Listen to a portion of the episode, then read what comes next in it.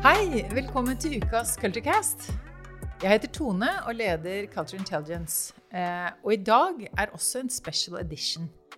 Vi setter ikke lys på lederne denne dagen, men vi setter flomlys på styrene. Vårt mål med det er selvfølgelig at flere styrer skal engasjere seg i å bygge den kulturen de trenger for å bidra best mulig til virksomhetene. Styrerommet ser nemlig ut til å ha fått være i fred ganske lenge for både kulturdiskusjoner og verdiorienteringer. Men nå eh, er det en stigende kurve på People Analytics som tar de litt igjen. Og hvilken rolle har egentlig styret for å bygge riktig kultur? Kan man velge styremedlemmer basert på verdier heller enn CV? Kommer man til å se etter andre typer styremedlemmer i fremtiden? Noen som kanskje representerer en helt annen kultur? Og hva gjør man eh, for å overstige den kompetansefrykten som kanskje finnes i forhold til å sette dette på agendaen. Min gjest i dag er en skikkelig styreveteran. Hun er også internettpioner, hun er veiviser og grunnlegger. Hun grunnla Digital hverdag så tidlig som i 1993, og fusjonerte noen år senere med New Media Science før selskapet senere gikk i fusjon med de to svenske selskapene Linné Group og Cell Network, som ble notert på børsen i Stockholm. Og i dag eh, er den norske virksomheten tilbake som Bouvet. Deretter veldig mange viktige styreoppdrag. Hafslund, Eika, Polaris Media, Europris og Nortel, som er noen av de. Eh, og nå de siste årene foreleser på BI. Og ikke minst tatt del i Board Impact Forum. Eh, hun er mentor for en rekke startups og CEO-er og gjør garantert veldig mye mer enn dette også. Velkommen til oss, Bente Solli Storhaug. Tusen takk, Tone. Veldig hyggelig å være her. Veldig kult å ha deg om bord. Og jeg har fulgt med på deg ganske lenge, for jeg ser alt det morsomme som du gjør. Og så tenker jeg at du var kanskje en av de aller første jeg vet om som virkelig satt teknologi på agendaen. Eh, og så er du ikke teknolog, tror jeg, men kan ikke du bare ta meg med litt inn i den første hvordan, hvordan, kom du på det her med å sette teknologi så hardt på agendaen? For det første så tror jeg at jeg var veldig heldig. Jeg var 25 år når jeg oppdaget Internett for min del i, i 1993. Da var jeg i ferd med å starte en egen virksomhet. Kom fra presse og informasjonsarbeid. Eh, var vant til at alt vi skulle kommunisere, det måtte trykkes. Uh, hadde planer om å starte en helt ny, moderne virksomhet som skulle jobbe med fremtidens kommunikasjon. Og når jeg så Internett og egentlig skjønte at nå kan vi publisere informasjon elektronisk uh, via datamaskiner over hele verden og oppdatere den informasjonen med ett tastetrykk. Så det var helt umulig for meg ikke å bli fascinert av den teknologien. Og jeg var nesten fra dag én av ganske sikker på at dette kom til å forandre veldig mye. Så hva var det første du gjorde da? Det første jeg gjorde, var å si til min medgründer at uh, glem CD-rom. Den må brennes. på samme måte som aviser uh, trykkes. Nå uh, går vi all in. Vi, vi, vi begynner å bygge internettvirksomhet. Og så var det sånn veldig mye av den første tiden av Internett Man er opptatt av å bygge infrastruktur uh, for å få Internettet ut til uh, alle og få det inn i alle hjem. Uh, men jeg husker første foredraget jeg holdt om Internett i Oslo, på SAS-hotellet her i Oslo, sammen med bare gutter som skulle bygge infrastruktur.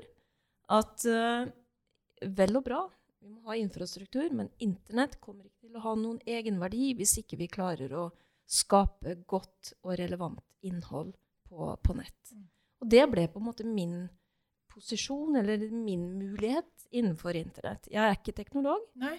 men uh, jeg tror alle de som kjenner meg, vet at uh, jeg har en ganske god markedsforståelse, uh, eller kommersiell teft. og det å skjønne hvordan den teknologien kunne brukes da, til å skape godt innhold på nettet, mm. det, det ble min vei. Og det har du gjort fantastisk bra. fordi hver gang jeg ser liksom noe av det som beveger seg litt rundt deg, så er det en ny måte enten å bruke på, eller å, nye brukere, eller en eller annen form for å liksom ta det til neste Ja. steg. Eh, For du holder på med det enda. Ja da. Eh, Jeg er jo ikke operativ i noe selskap akkurat nå, eh, men jeg jobber mye med styrearbeid. Og så hjelper jeg gründere som, som har en god idé. Eh, Og i dag så er jo ofte den ideen ikke bare digital, men den er også bærekraftig. Uh, Så det er liksom grønt og digitalt hånd i hånd. Men de står jo egentlig overfor akkurat det samme som jeg gjorde i 1993. Uh, hvordan skal vi klare å skape noe som er relevant, noe som markedet vil ha, noe som har eh, kunder? Eh, hvordan skal vi klare å fange verdi, ikke bare skape verdi, men hvordan skal vi få dette til å bli lønnsomt, slik at Mm. det på en måte blir en, en virksomhet da, som overlever? Det er veldig lett å komme opp med ideer, men jeg tror det er Torgeir Reve som har sagt noe sånt som at det er 5% av alle startups som blir til noe skikkelig stort. Ja, ja. Og det er jo skummelt selvfølgelig for oss, for vi er jo akkurat der. Vi har en kjempegod idé. Og nå har vi begynt å teste litt ut på den nye teknologien også, utover det å være en eh, B2B SAS-plattform. Men men det er jo så utrolig mye muligheter der ute akkurat nå, da, som vi Mm. snakket litt om. At Ja. nå skjer det kanskje den andre store revolusjonen Ja. i teknologi, tenker jeg på det. Vi snakker om da internett kom, det husker jo jeg også. Mm. Og nå tror jeg vi, i hvert fall følelsen min nå, nå er vi på noe kanskje enda større. Så, så kan, hvordan ser du på hvor langt vi har kommet nå, hvis du skulle beskrive den? I min verden så er vi fortsatt i starten, begynnelsen, på eh, en teknologireise som kommer til å bli veldig mye mer avansert enn det vi har i dag. Fordi det store potensialet i internetteknologien, det er ikke tatt ut. Eh, jeg er veldig glad for at eh, AI på en måte har et gjennombrudd nå. Eh, og det gjennombruddet, det blir tatt på alvor. Det diskuterer vi i veldig, veldig mange styrerom, hvordan vi skal forholde oss til AI. På en helt annen måte enn hvordan styrene diskuterte hvordan vi skulle forholde oss til internett på 90-tallet og langt inn i 2000. Eh, for det ble ikke tatt på alvor på samme måte. Måtte slite for å få aksept og, og bli respektert som en ny økonomi som kom til å få betydning.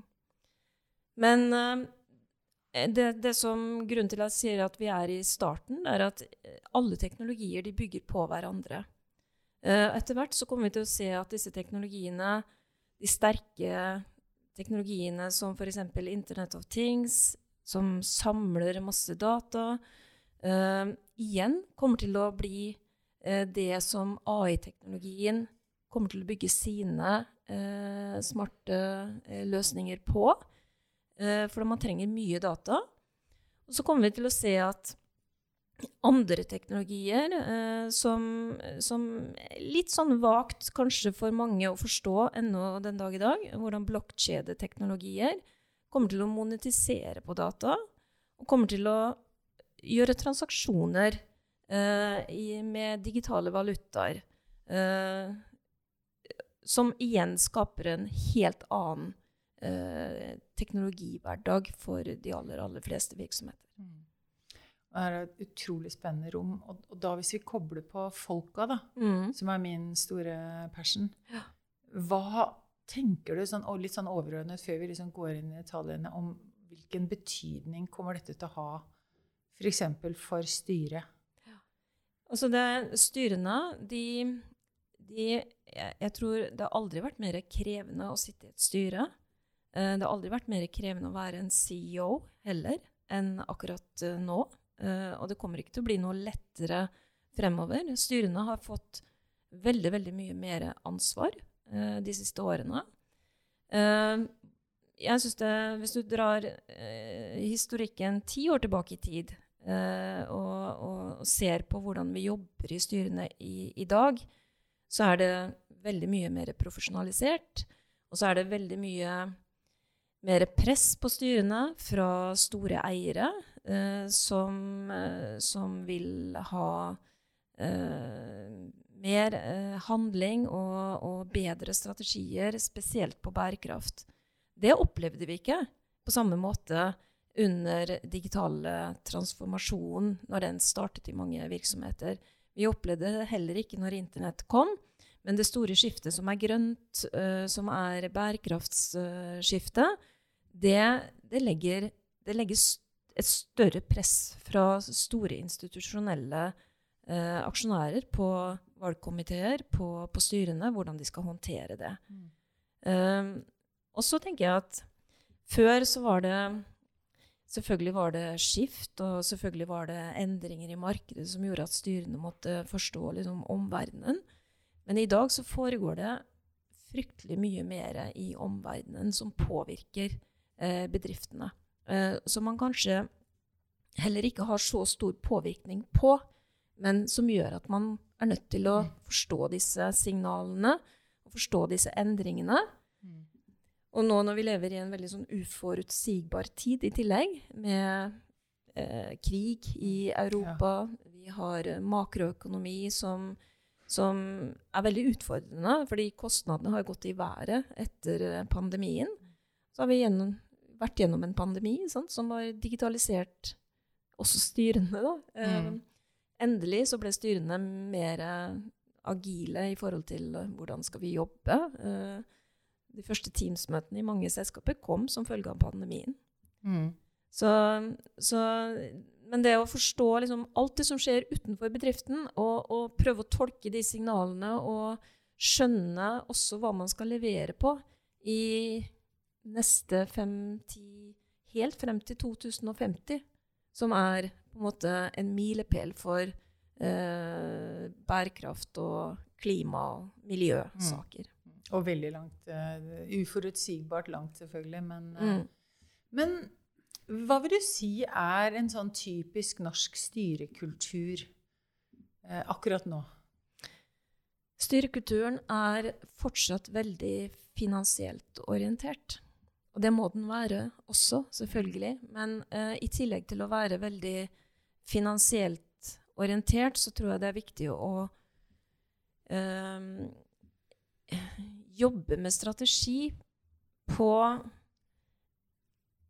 Altså det krever at man jobber enda mer med hvordan man håndterer omverdenen, eh, markedet, eh, aktører som påvirker selskapet.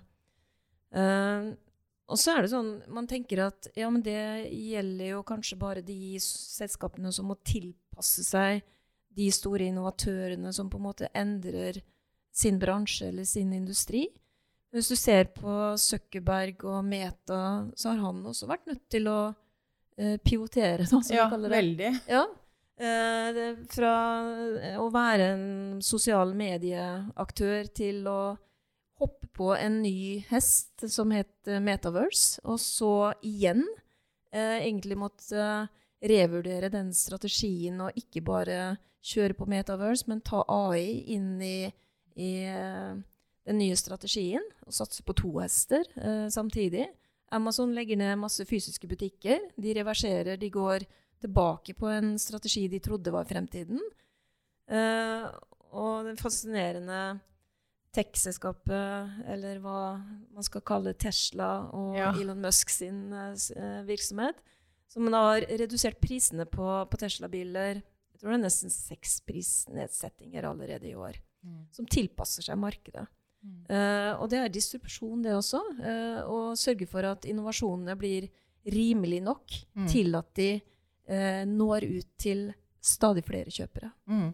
Det er krevende for den tradisjonelle bilindustrien å forholde seg til. Mm. Og det markedet, og sånn som vi har kjent det, sant, med Volkswagen, Toyota som de største, Prisnedsetningene fra Tesla gjorde at eh, Tesla hadde 46% markedsandel i Norge i mars måned. Og ja. masse nye kinesiske bilmerker, som er Kanskje var vi 15 kinesiske bilmerker i Norge nå, som tok 10% av det markedet. Det er en helt ny situasjon. Ja, da er det tøft å være Møller Mobility Group. Så for hvordan eksempel. forholder ja, du deg til det?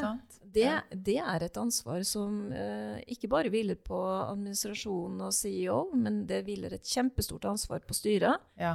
Og å skjønne hvordan forholder vi oss til dette, hvordan endrer vi oss, uh, og hva må vi gjøre for at ikke vi rett og slett får en forretningsmodell som, blir, Ja. som går ut på dato. Ja, for, for det, det dilemmaet der syns jeg er spennende. Sånn, du, du sa liksom vi er fortsatt, Styrene er fortsatt typisk finansielt tunge. De, er, Mm. de som er i styrene, de er der fordi de kan regne, og Mm. regne godt, og har Mm. regnet på veldig mye på forhånd. Så de, ser, de er flinke til å se finansiell risiko, f.eks. da. Mm. Vil- Nå, nå gjør jeg noen antakelser, men i hvert fall de styrene sånn som jeg kjenner de. Og så på den annen side så kommer det nå alle disse kravene om at du må både være ganske god på teknologi, du må, du må skjønne markedet, du må kunne lese kundene. Mm. Og så tenker jeg Det betyr for meg at styret må jobbe på en annen måte. Eh, bruke annen type kompetanse. Trenger kanskje annen type kompetanse. Og må være ekstra god på hva betyr det her for folka i Ja. denne virksomheten. Må, hvilke krav skal vi nå stille til daglig leder, f.eks.? Mm. Er det sånn?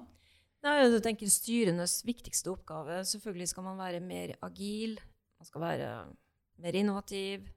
Det som tidligere var kanskje mer å betrakte som et maratonløp, da. Eh, Det har blitt eh, kanskje mer sprint. Mellomdistanse? Ja, eh, Ja. men men eh, styrene skal sørge for at bedriftene overlever. Eh, og styrene skal sørge for at eh, det er en viss stabilitet. Eh, slik at de ansatte og, og de som jobber i organisasjonen, de kan uh, være trygg på at uh, den strategien og det målet som man på en måte har satt for virksomheten, at styrene skjønner hvordan de skal hele tiden tilpasse seg. Og det, det vi ser nå, det er at flere og flere er nødt til å vurdere har vi riktig kurs. Bør vi reversere på noen områder, sånn som Søkkeberg gjorde når han da eh, tar et skritt tilbake i forhold til Metaverse eller Amazon legger ned de fysiske butikkene. Mm. Det å reversere er også vel så viktig som bare å gå fremover. ja. Eh, fordi du må hele tiden vurdere er det riktig, det vi holder på med. Ja. Og jeg tenker at styrene Ja, finansiell kompetanse i styrene, det må alle ha. ja. Altså, du kan ikke sitte i et styre uten å forstå tall. Eh, men noen bør forstå de tallene bedre enn andre. Så det er det mangfoldet du har i styrerommet. Og jeg tror at eh, alle i styret de må være eksperter på noe. Ja. Eh, de må ha én styrke som gjør at de eh, fortjener den eh, styreplassen. Da får du mangfold. Mm. Men så tror jeg at alle må være strateger. Ja, strategisk tenking var Ja. egentlig det Og, og det som har gjort den digitale transformasjonen vanskelig, var at man tenkte kanskje at den digitale spisskompetansen den kunne sitte på ett, eller kanskje to styremedlemmer. Da får du ikke noen god Nei. prosess. Nei. Sånn at du må, du må etablere en, en kompetanse i det rommet som gjør at de store skiftene, enten man snakker om digitalisering eller man nå snakker om bærekraft, eh, den strategiske forståelsen den må ligge på alle Mm. styremedlemmer. På samme måte Ja. som at alle må forstå tall. Ja, nettopp. Og så tror jeg det er med at uh, mer enn noen gang, når det er så omskiftelig og uforutsigbart, uh, og, og CEO kanskje har flere søvnløse netter enn på mange, mange tiår, Mm. så er det å støtte opp under CEO. Mm. Kanskje være en Mm. strategisk liksom, mentor for CEO i, i det arbeidet de, de står i, er, er kjempeviktig. Og så er det tror jeg, For at styrene skal fungere, så er vi nødt til på en måte ha en felles plattform, en felles forståelse for hva som påvirker oss. eh, sånn at ikke det blir sånn fragmenter der kompetansen Mm. sitter litt alene, da, uten at man på en måte får til et godt samarbeid på tvers i, i den gruppen. Fordi det handler virkelig for mange virksomheter i dag. Levetiden på de store virksomhetene blir bare kortere og kortere. Mm. Uh, og hvis man går inn og analyserer det, så ser man at det å stå i en transformasjon, det er en veldig, veldig krevende øvelse. Det tar lang tid. Det tar 10-15 år kanskje å transformere en virksomhet. Kanskje blir du aldri ferdig med å transformere en virksomhet. Fordi det hele er en tiden kommer kontinuerlig Ja. utvikling, nye teknologier. og- teknologier, og det vil Ja. alltid være noen innovatører på utsiden som utfordrer det etablerte. Mm. Det kommer alltid til å være der, Mm. som utfordrer mer den konvensjonelle tenkningen som ligger i store Mm. selskaper. Det er oss, det. Ja. Men vi er også søvnløse netter. Men vi er ute og jager på liksom, noen store sin, sin eh, markedsandel. Det er jo Ja. derfor vi har et liv. Fordi vi tenker jo at vi kan gjøre det smartere eller raskere eller billigere Mhm. eller et, et eller annet. Ja. Så, men men eh, vi er jo sånne som vekstselskaper, da. Vi er jo alltid på jakt etter hva må vi eh, fokusere på, og hvordan skal vi jobbe?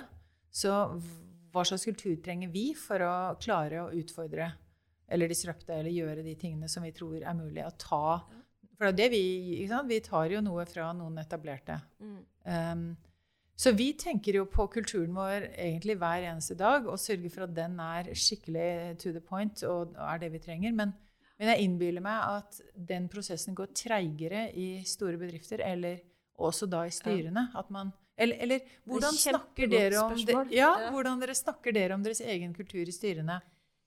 Eh, I min verden så er det to typer eh, selskaper. Ja. Det er eh, de selskapene som har en entreprenørkultur, ja. sånn som dere, sånn, Ja. som skal utfordre, som skal bygge noe nytt.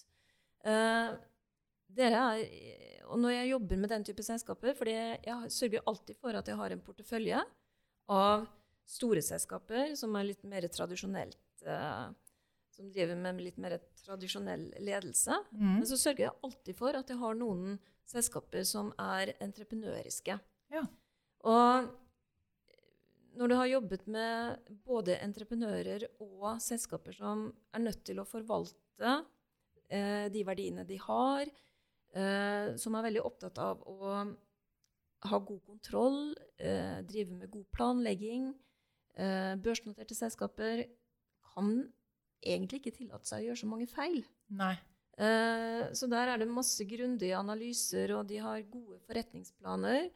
Fortsatt litt produktorienterte, eh, som, som jobber med årlige sykluser, og som er veldig gjennomtenkt i Mm. alt det det Mm. de gjør. Og det må de være fordi at de har veldig mange inntektsstrømmer som, som utfordres. Men, Mm. men de inntektsstrømmene er de avhengig av at de på en måte klarer å ivareta lengst mulig. Fordi det er de inntektsstrømmene Ja. som skal finansiere det nye. Ja, Business excellence, det er det de store er gode på. Forvaltning, Ja. execution. Mm. Og, og, og det å sitte i sånne selskaper og det å være med på uh, langvarige, uh, seige uh, transformasjoner, Mm. da skjønner du at man kan bare ikke slippe det man har. Nei. Eh, fordi Nei. noe har blitt umoderne. Eh, papiraviser, Mm. hvor lenge har vi de? Mm. Jo, vi skal ha de så lenge det er inntekter. Og vi skal prøve å forvalte Mm. det, den, Mm. de inntektsstrømmene så godt vi kan, så, så lenge vi kan. Fordi det finansierer den nye eh, Mm. medieverdenen, Mm. som er mer Nettopp. Som å ta digital. den nye. Ja. Men går ikke det veldig sakte? Altså, det er det Jo. som er liksom Det går sakte. si, For de små selskapene, da, som det også er i, Ja. der må jo ting gå veldig mye fortere. Hvis ikke vi jobber raskt, så er vi tom for penger. Ja, ja, og Så hvis- vi hvis kan skal- ikke ta den tiden, vi. Nei, og hvis jeg skal prøve å beskrive de små selskapene, Ja. så nå beskrev jeg på en måte de store Ja. i, I de små så er det veldig, veldig mye mer prøving og feiling.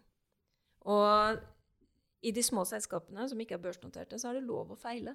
Hvis du lærer av de feilene du gjør.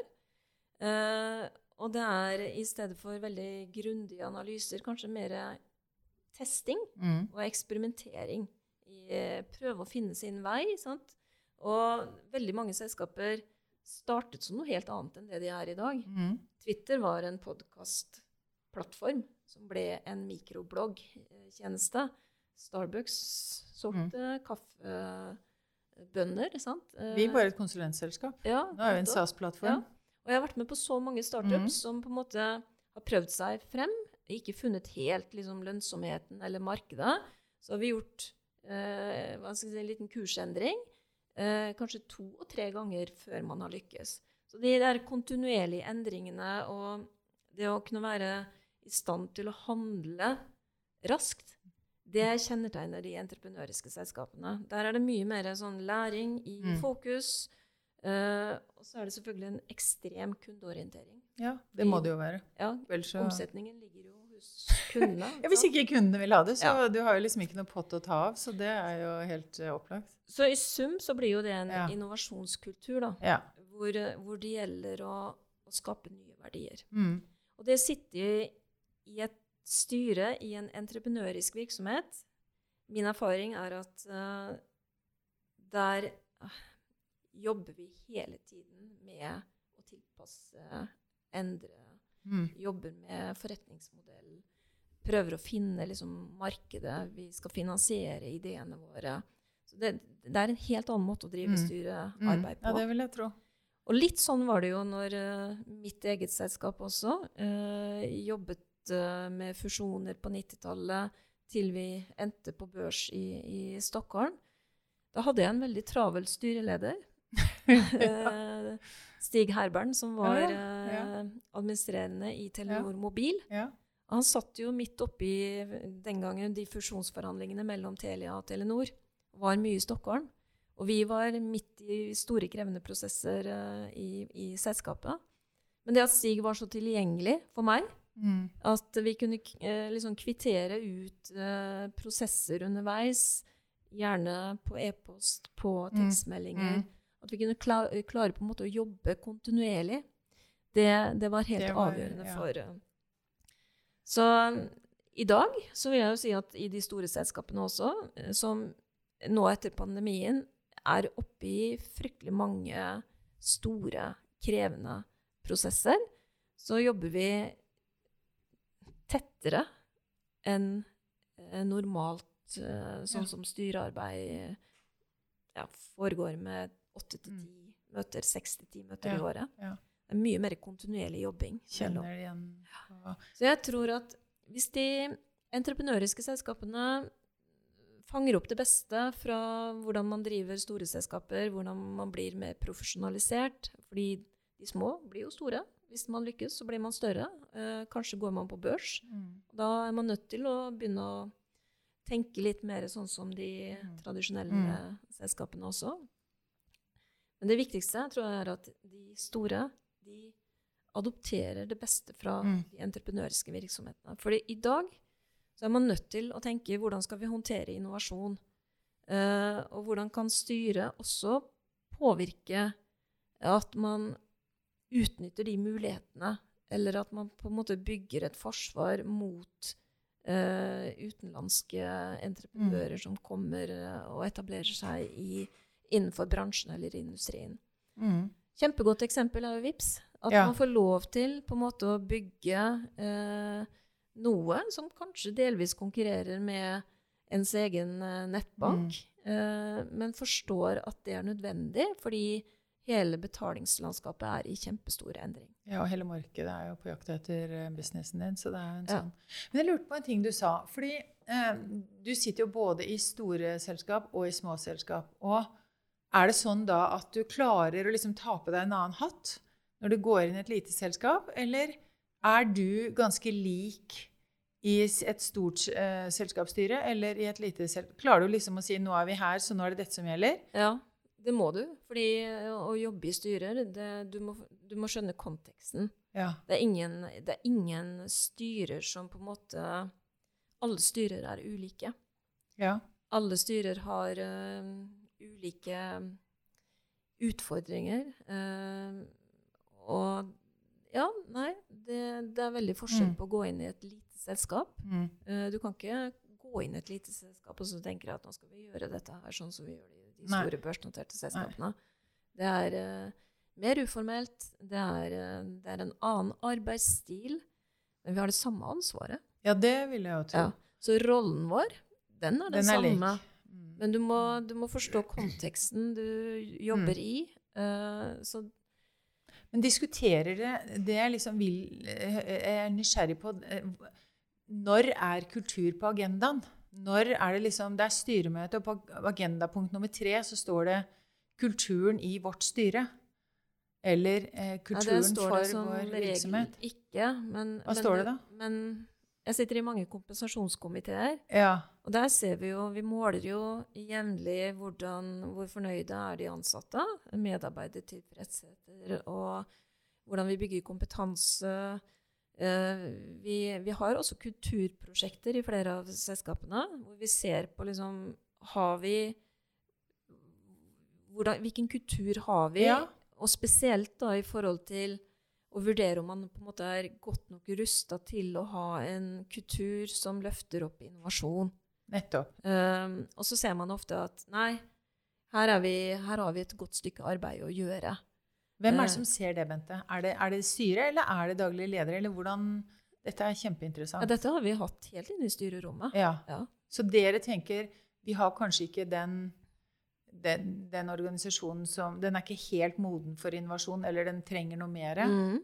Det kan jo da tenke at du ikke har de lederne eller den daglige lederen som ikke kan Nei. bære det heller, da. Da er vi oppe i et litt sånn skummelt uh, Ja. område. Styret har jo ansvaret for si, og, Ja. og egentlig så er det ikke vårt ansvar å ansette de andre eh, Nei, lederne i, i virksomheten. Men når de kulturprosjektene kommer innom styrerommet, Ja. så, så eh, får vi jo på en måte en, en slags pekepinn på hvilken type organisasjon har vi. Nettopp. Er vi endringsdyktige? Er vi, er vi i stand til egentlig å ta det store løftet som nå kommer på innovasjoner som er knytta til bærekraft, eh, til å ja, gjøre en ganske stor endring i, i forhold til eh, hva vi skal levere på? Ikke bare drive lønnsomt, men at vi skal levere på Mhm. Det sosiale, og at vi skal levere på miljø. Ja.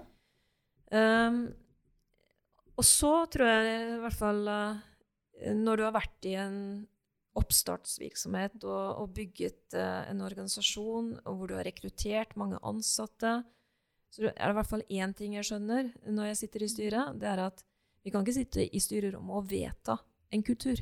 En kultur, den skapes. Ja. Eh, og den skapes vi, I styret kan gi retning, og vi kan på en måte backe selskapet på uh, hvor man vil, Mm. og hvor man bør gå Mhm. de neste årene. Men kultur skapes i organisasjonen. Eh, og det er veldig knytta opp til ledelsen, selvfølgelig. Det er akkurat det. Ja. Ja. Og det er, den, det er den vekslingen der som vi Da er det vi er liksom blir enten kalt inn i et selskap Ja. eller til hjelp, for Ja. da sier vi hva er det dere trenger her i styret, f.eks.? Mm. Jo, vi trenger mer innovasjonskraft. Ok. Det er en innovasjonskultur. Den Mm. ser sånn ut. Mm. Og så kartlegger vi hva de faktisk har, og så Ja. ser vi her er det et stort gap. Ja. Nå må noen begynne å jobbe. Og da vil jeg tro at dere i styret sier til daglig leder det gapet der, det er Ja. målet for neste år. Det må vi mm, gjøre mindre. For Mm. dere må opp i innovasjonskraft. Mm. Er det sånn, eller foregår det omtrent sånn? Ja, jeg har hatt en prosess også i et styre. ja. Uh, si hvilket selskap det er, men, uh, men hvor, hvor på en måte man tar tak i uh, en indeks som viser at her har vi kanskje noe å jobbe med Ja. når det gjelder medarbeidere. Så kommer jo kompensasjonskomiteen sammen. Vi tar eh, hyppige møter, eh, og vi diskuterer hvordan angriper vi, vi dette. Og så bestemmer vi oss kanskje for at vi skal hente inn noe ekstern kompetanse. Mm. For å gå litt i dybden på det, få litt ærlige svar. Uh, og da er det jo selvfølgelig uh, Det som blir på en måte uttaket, det er jo strategien. Ja. Uh, tror de ansatte? Ja. Tror medarbeiderne på strategi? Altså hva, hvordan ser strategien ut? Og så er det jo veldig viktig å kommunisere godt. Ja. Altså ikke bare ja. utad, sånn at omverdenen forstår hvor selskapet er på vei, men man må kommunisere godt internt også. Og så ser vi på den siste biten, som er HR. ja hvor, hvilken rolle har de? Ja, har de hvor det- gode hvordan, nok eh, eh, vi, ja. Hvilke vilkår, eh, hvordan insentiverer vi medarbeiderne? Hvor gode er vi på talentutvikling? mm. Hvor gode er vi på eh, kompetansebygging, mangfold? Eh, Mm. Rett og slett eh, ser om altså Prøve å finne rotårsaken. Da. Hvor, Mm. hvor ligger misnøyen? Eller hvor, hva er det vi må endre på? Hvor er manglene? Mm. Det, I Wilhelmsen, da, ja, den der tiden som du sa som, som eh, dere reiste til Stockholm, da, dro, da var jeg i Stockholm òg, for da fusjonerte vi Wilhelmsen og Valenius. Ja. Så jeg traff de samme folka på, på Stockholmsflyet, for det er Telia og Telenor var akkurat samtidig. Men det som vi gjorde da, da putta vi den ønskede kultur rett inn i HR-prosessen, og det begynte vi å bygge. Så, så det er jo den Mm. prosessen der som du snakker om. Men, men jeg er litt sånn tilbake igjen til styrene. I hvilken grad snakker styrene om seg selv og sin kultur? For der er det jo ikke HR-prosesser, og der er det jo ikke, eh, der er det jo ikke noe annet enn en styreinstruks, eh, vil jeg tro. Også den dagen liksom styret sier hva slags kultur har vi hos oss, og hvordan burde den være i forhold til å være beste hjelperne til det selskapet, Mm. det leter jeg etter. For det hadde vært et skinnende eksempel på Da har det kommet så langt at selv styrene liksom virkelig eier kulturinnsikten. Styret er jo et kollegium. Ja. Men så skal jo ikke styret være et team. Hvis du skjønner hva ja, jeg jeg skjønner hva du mener. jeg- jeg men på en måte så skal det jo det. Ja, men jeg er veldig opptatt av at man bevarer eh, selvstendigheten Ja, sin. det må man. Ja. Man er valgt personlig. Ja. Ja. Uh, og det Det er jo Og du jobber for alle aksjonærene. Mm. Uh, så det er eh, liksom Styrene evaluerer seg jo årlig, de. Ja. Uh, og styrene er i sånne evalueringer veldig godt fornøyd med seg selv. ja. Er kultur på den evalueringen?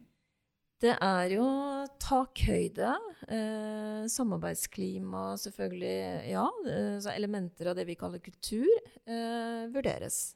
I, For det er jo ganske viktig. Ja, det gjør det. Mm, det er er det, er det Ja. liksom et eh, godt samarbeidsklima, eller får man Mm. på en måte eh, Blir man hørt? Ja, alt det er jo de kulturelle Er det- Eh, Klarer styreleder å fasilitere styremøtene? Eh, klarer vi å være et styre som bruker tid på diskusjon, ikke bare sitter eh, bakover i stolen og hører på presentasjoner? Mm. Det er jo en kjempestor Mm. endring uh, de siste ti Mm. årene.